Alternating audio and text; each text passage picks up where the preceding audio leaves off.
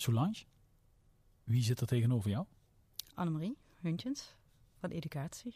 Is dat een leuke collega? Een hele leuke collega. Wat is er zo leuk aan die collega? Het is een heel fijn iemand om mee samen te werken. Wat het maakt heel goed. Wat, wat, wat maakt dat zo fijn dan? Eh, ja, we hebben heel fijn contact. We kunnen makkelijk over de dingen praten. Eh, het gaat altijd snel. Het is eh, gewoon een hele prettige manier van samenwerken voor mij. Solange is nieuw, hè? Ja, klopt. Een beetje wel en een beetje niet. Want eh, hiervoor werkte ze op de marketingafdeling, dus ik kende er al wel. Aha. Is het een hechte club hier in het theater? Ja, maar het zijn allemaal apart kleine hechte clubjes ook bij elkaar weer. Want eh, wat een programmeur doet is natuurlijk weer heel anders dan iemand bij techniek of iemand bij marketing. Dus eh, Dus je hebt verschillende clubjes hier die... precies, ja. En bij, ja, die programmeursclub waar wij zitten, dat is, een- is wel een echt eh, leuke club, ja. Want we zien als we naar theater komen misschien een, eh, een technicus zitten. Hè? Iemand aan het licht, het geluid. Vaak is dat ook nog iemand die het gezelschap dat op de bühne staat zelf meebrengt. Hoeveel mensen werken er hier eigenlijk achter de schermen? Oei, dat is een moeilijke vraag. Dat weet ik eigenlijk niet eens precies. Veel. Ken je ze al allemaal, Solange? Van naam en van gezicht. Ja, Oké, meestal dus wel. het is, het is ja. wel te bevatten. Ja, dat wel. Goed. Wie, wie zit daar met zijn koptelefoon op? Hoe heet die? Ivo. Ivo, het is Ivo. Ivo, klopt dat? Ja. nou je bent geslaagd, Solange. We kunnen beginnen. fijn. Goed zo. Wie zijn die programmeurs? Hoe werken zij? Wat doen zij in een jaar dat er eigenlijk niks te beleven valt? Dat ze nergens voorstellingen kunnen voorproeven omdat er niks doorgaat en ze toch een nieuwe programmering moeten maken. Nou, die programmering is rond en de programmeurs komen zich hier aan mijn tafel verantwoorden. Wie zijn zij? Wat hebben ze bedacht? En wat kunt u het komende seizoen in Parkstad Limburg Theaters beleven? Luister naar deze kleine, bescheiden, maar razend interessante podcastserie. Solange, wat programmeer jij? Ik programmeerde eh, jeugd- en familievoorstellingen. Dus eh, voor de hele kleine kindjes, zelfs van baby af aan tot je jongere 14-plus voorstellingen. Babyvoorstellingen. Babyvoorstellingen. Wat is dat? Dat zijn voorstellingen heel klein en intiem voor eh, jonge ouders die net een kind gekregen hebben. Eh, en eens een keer een bijzondere ervaring willen meemaken met hun kleintje. Want een kleintje mag mee voor de goede orde. Die mag zeker mee. En ja. je moet dan ook in zo'n klapstoel zitten? Die hoeft niet in de klapstoel te zitten. Het is eh, altijd toneel op toneel. Dus het is altijd fijn, veilig bij papa en mama. Of Dus- opa of oma, wie meegaat. En eh, het zijn voorstellingen ja, met vooral muziek, zeer rustige tonen, mooie kleuren. Allemaal om de zintuigen van zo'n kleintje te prikkelen. Heb je dat wel eens meegemaakt? Ik heb het zelf eh, één keer meegemaakt met mijn dochtertje Julia. Oh. Het was wel al wat groter. Eh, de voorstelling Woesh van het Laagland, die ook eh, komend seizoen hier te zien is. Oké. Daar zaten we op een klein bankje met z'n tweeën. En daar gebeurden allemaal mooie dingen met materialen door de lucht zweven. geluiden die gemaakt werden. Dus dat was een hele bijzondere ervaring. En wat doen die baby's dan? Of wat deed jouw dochter? Die van mij die vond het eh, toch wel wat spannend. Eh, dus die kroop vrij eh, dicht tegen mij aan. En er waren er ook een aantal die, die kropen er echt naartoe. Dus dat was heel leuk om te zien, de verschillende reacties van de kindjes op die voorstellingen. Dat de een echt mee gaat doen en totaal geen angst heeft en naar de acteurs toe kruipt. En terwijl de ander inderdaad veilig bij de ouders blijft Oh. zitten. En hoe oud is ze nu? Ze wordt bijna drie. He- we- we- Enig idee of ze zich dat nog herinnert? Of dat dat iets met haar gedaan heeft? Is, is haar toekomst op het podium nu gegarandeerd? Nee, dat denk ik absoluut niet in haar geval. Eh, ik ben onlangs nog een keer met haar naar het theater hier geweest. De eerste voorstelling dat toen we weer open waren.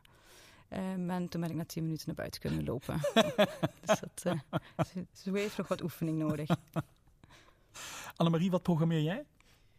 Ik ehm, programmeer eigenlijk voor scholen. Dus eh, ik, eh, mijn eh, ja, hoofdstukje is eigenlijk de educatie. En dan ben ik deels zeg maar, de spil tussen het theater en scholen in de omgeving. Zowel basis- als middelbare scholen. En daar programmeer ik soms ook gericht iets voor. En hoe gaat het dan? Probeer je die scholen hier naartoe te trekken? Ga je ze bellen van we hebben wat moois, kom allemaal kijken? Of bellen die scholen met van On- wanneer onder, kunnen andere, onder andere, ja. Eh, kijk, wij- stellen, stellen jaarlijks een, een aanbod samen van, goh, dit zou geschikt zijn voor scholen. Maar daarnaast eh, trekken ook scholen zelf in de bel van, goh, wij zoeken iets en eh, kun je ons advies geven. En dat vind ik eigenlijk ook wel het een van de leukste dingen om te doen, echt maatwerk bieden. En dat, dat kan van alles zijn. Dat kan zijn van we willen met alle drie HAVO-klassen bij jullie naar het theater. Maar het kan ook zijn dat ze bijvoorbeeld een, een totaalprogramma willen. Ze willen een kijkje achter de schermen en ze willen daarnaast nog een workshop of ze willen een inleiding bij een voorstelling. Dat kan eigenlijk, je kan zo gek niet bedenken of het kan wel. Ja. En dan probeer ik zeg maar mijn weg, weg te vinden om dat te realiseren. Ja, ik kan me nog herinneren dat ik op, eh, op de middelbare school zat. En dat wij ook met zo'n middelbare scholieren naar een toneelvoorstelling eh, gingen. En dat die hele zaal vol zat met middelbare scholieren. Eh, dat was niet ehm, het publiek.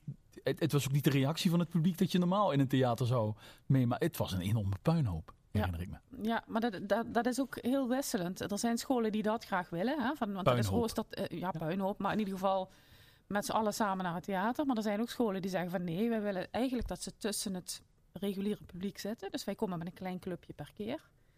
En dat zijn dan soms eh, tien leerlingen tegelijk of twintig. Of dat hangt een beetje van de school af. Dus dat, ja, dat is heel divers. Ja. Van ook hoe eh, dus de docenten op de school daarover denken. Want gaat het ze dan vooral om, om, om die leerlingen us in het theater te krijgen en over een drempel heen te helpen en te, en te laten ervaren hoe dat voelt en is? Of gaat het om de inhoud van de voorstelling, die toevallig Allebei. net een thema aanraakt wat ze in de klas ja, allebei. speelt? Dat, dat, merk je, eh, dat merk je als het een, een thema is. Als, hè, we hebben bijvoorbeeld een keer een, eh, eh, een voorstelling gehad rondom het achterhuis van Anne Frank. Ja, dan gaat het echt, en er was ook een totaalprogramma bij, dat is al een paar jaar geleden. Maar dan, dan gaat het echt om het onderwerp. En daar bouwen ze dan van alles omheen.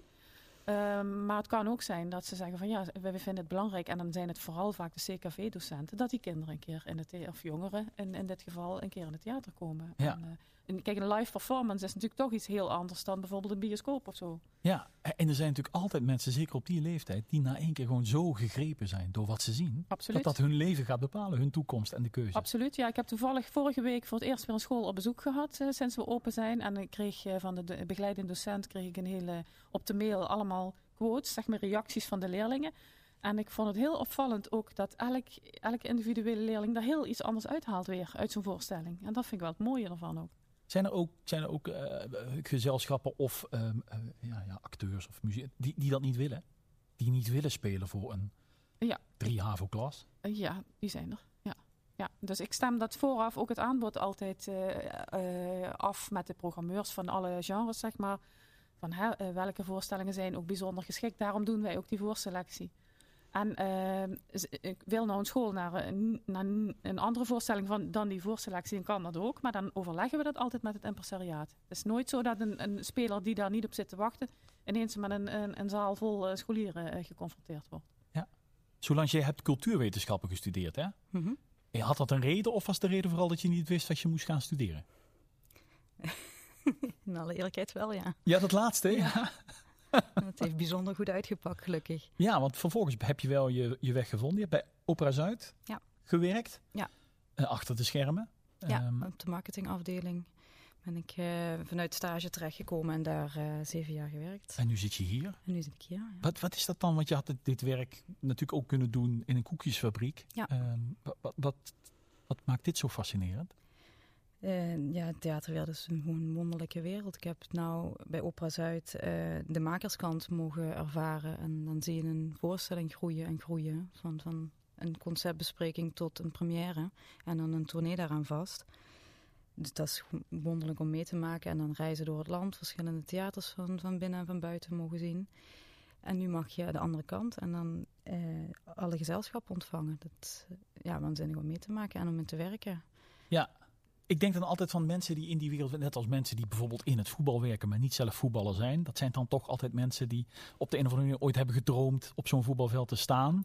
En dat is dan niet gelukt, maar nu zijn ze er nog bij betrokken. Eh, geldt, geldt dat voor jou en voor andere mensen die in jouw vak bezig zijn ook? Van eigenlijk zouden jullie op dat podium willen staan, maar dat is dan... Ja, ik denk dat voor sommigen dat zeker geldt. Ik heb bij Opera Zuid met, vaker bijvoorbeeld met zangers gewerkt die een, ja, een kantoorfunctie hadden en daarnaast meezongen in het koor bijvoorbeeld. Eh, voor mij persoonlijk geldt dat absoluut niet. Ik Je vindt echt- dit al spannend. Ik vind dit al spannend. dus laat me wel helemaal niet op een podium staan voor het publiek. En dat heeft je dochter ook, eh, heb je Ja. beschreven. Hè? Ja. ja. Mijn zoontje gelukkig niet. Die, eh, die heeft nog... eh, die doet altijd leuk mee met voorstellingen. Dus wie weet waar die terechtkomt. Hoe zit het bij jou? Nou, ik heb een eh, verleden, ik heb een conservatoriumachtergrond, dus eh het had zomaar gekund. Maar ik heb juist heel, altijd, heel bewust gekozen eh, om niet zelf op het podium te staan. En, en ja, dat doe ik ook wel met een reden. Het is echt wel mijn missie om zoveel mogelijk kinderen met ja, kunst en cultuur in aanraking te brengen. In theater in dit geval. En ehm, ik vind in de rol die ik nu heb, is mijn range van wie ik kan bereiken en wie ik daarmee kan infecteren vele malen groter. Het is een bewuste ideologische keuze bijna. Ja, absoluut, Je wil de ja. wereld verbeteren. Wat ja, mooi. ja, soort van wel, ja. Eh, eh, ja, beginnen hier in Parkstad en dan liefst eh, ja, een stukje wereld in ieder geval. Want wat voegt dat toe dan in een, aan een kinderleven? Ja, ik. ehm, de- de verwondering. En, en eh, kijk, ik ben zelf opgegroeid eh, zonder the- theaterervaringen. Want ja, jij ging dan op school misschien naar theater, maar op mijn school deden we dat niet. Was En- dat voor een school? Ja, ja, helaas.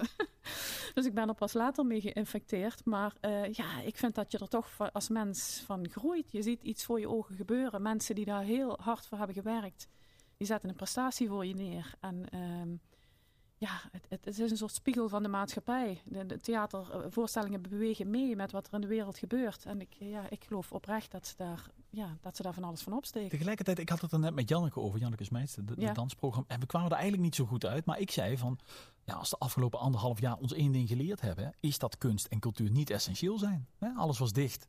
En we waren er nog en het land functioneerde nog en iedereen leefde nog. Eh, het is een soort van extraatje en meer niet.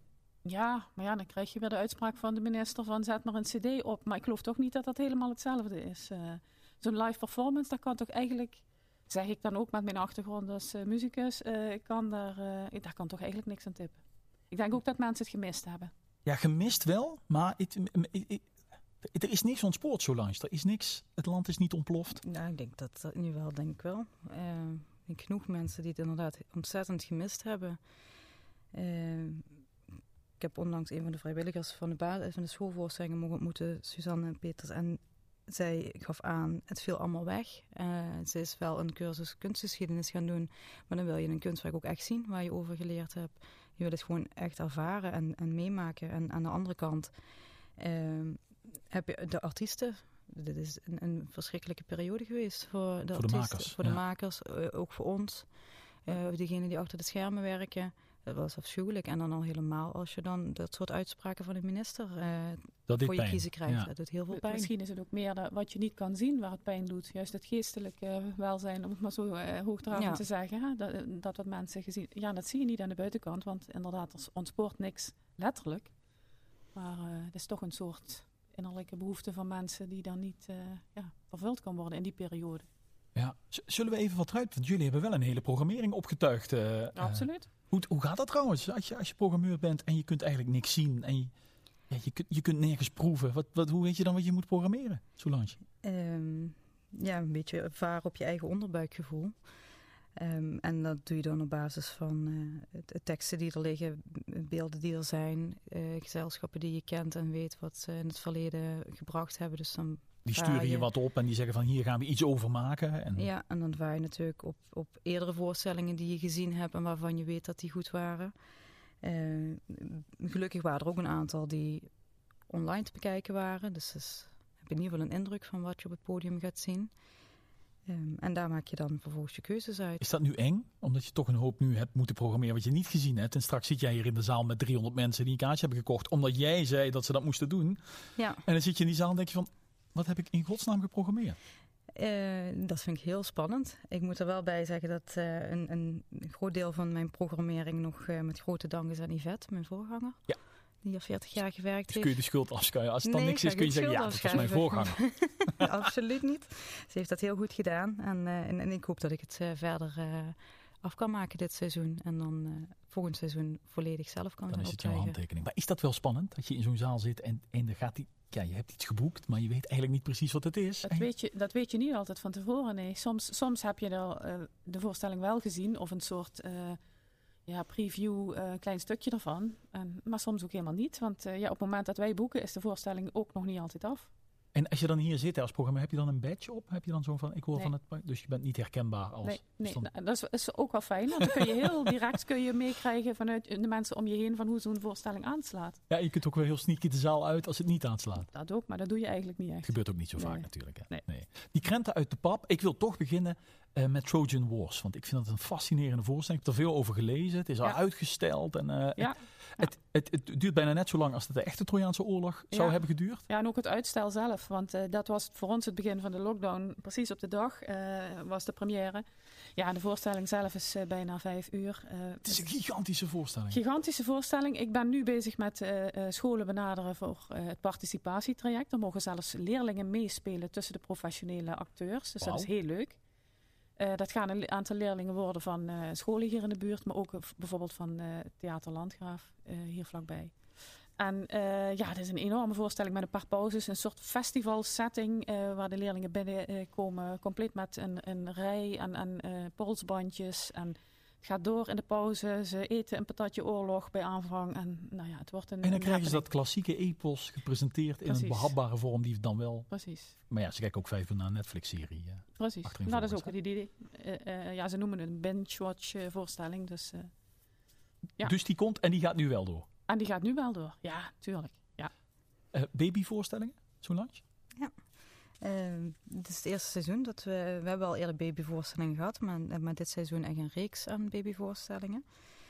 Ehm, waarbij eentje BB genaamd eh, de ouders met kindjes bij dan, eh, muzikanten en dansers eh, op het podium zitten.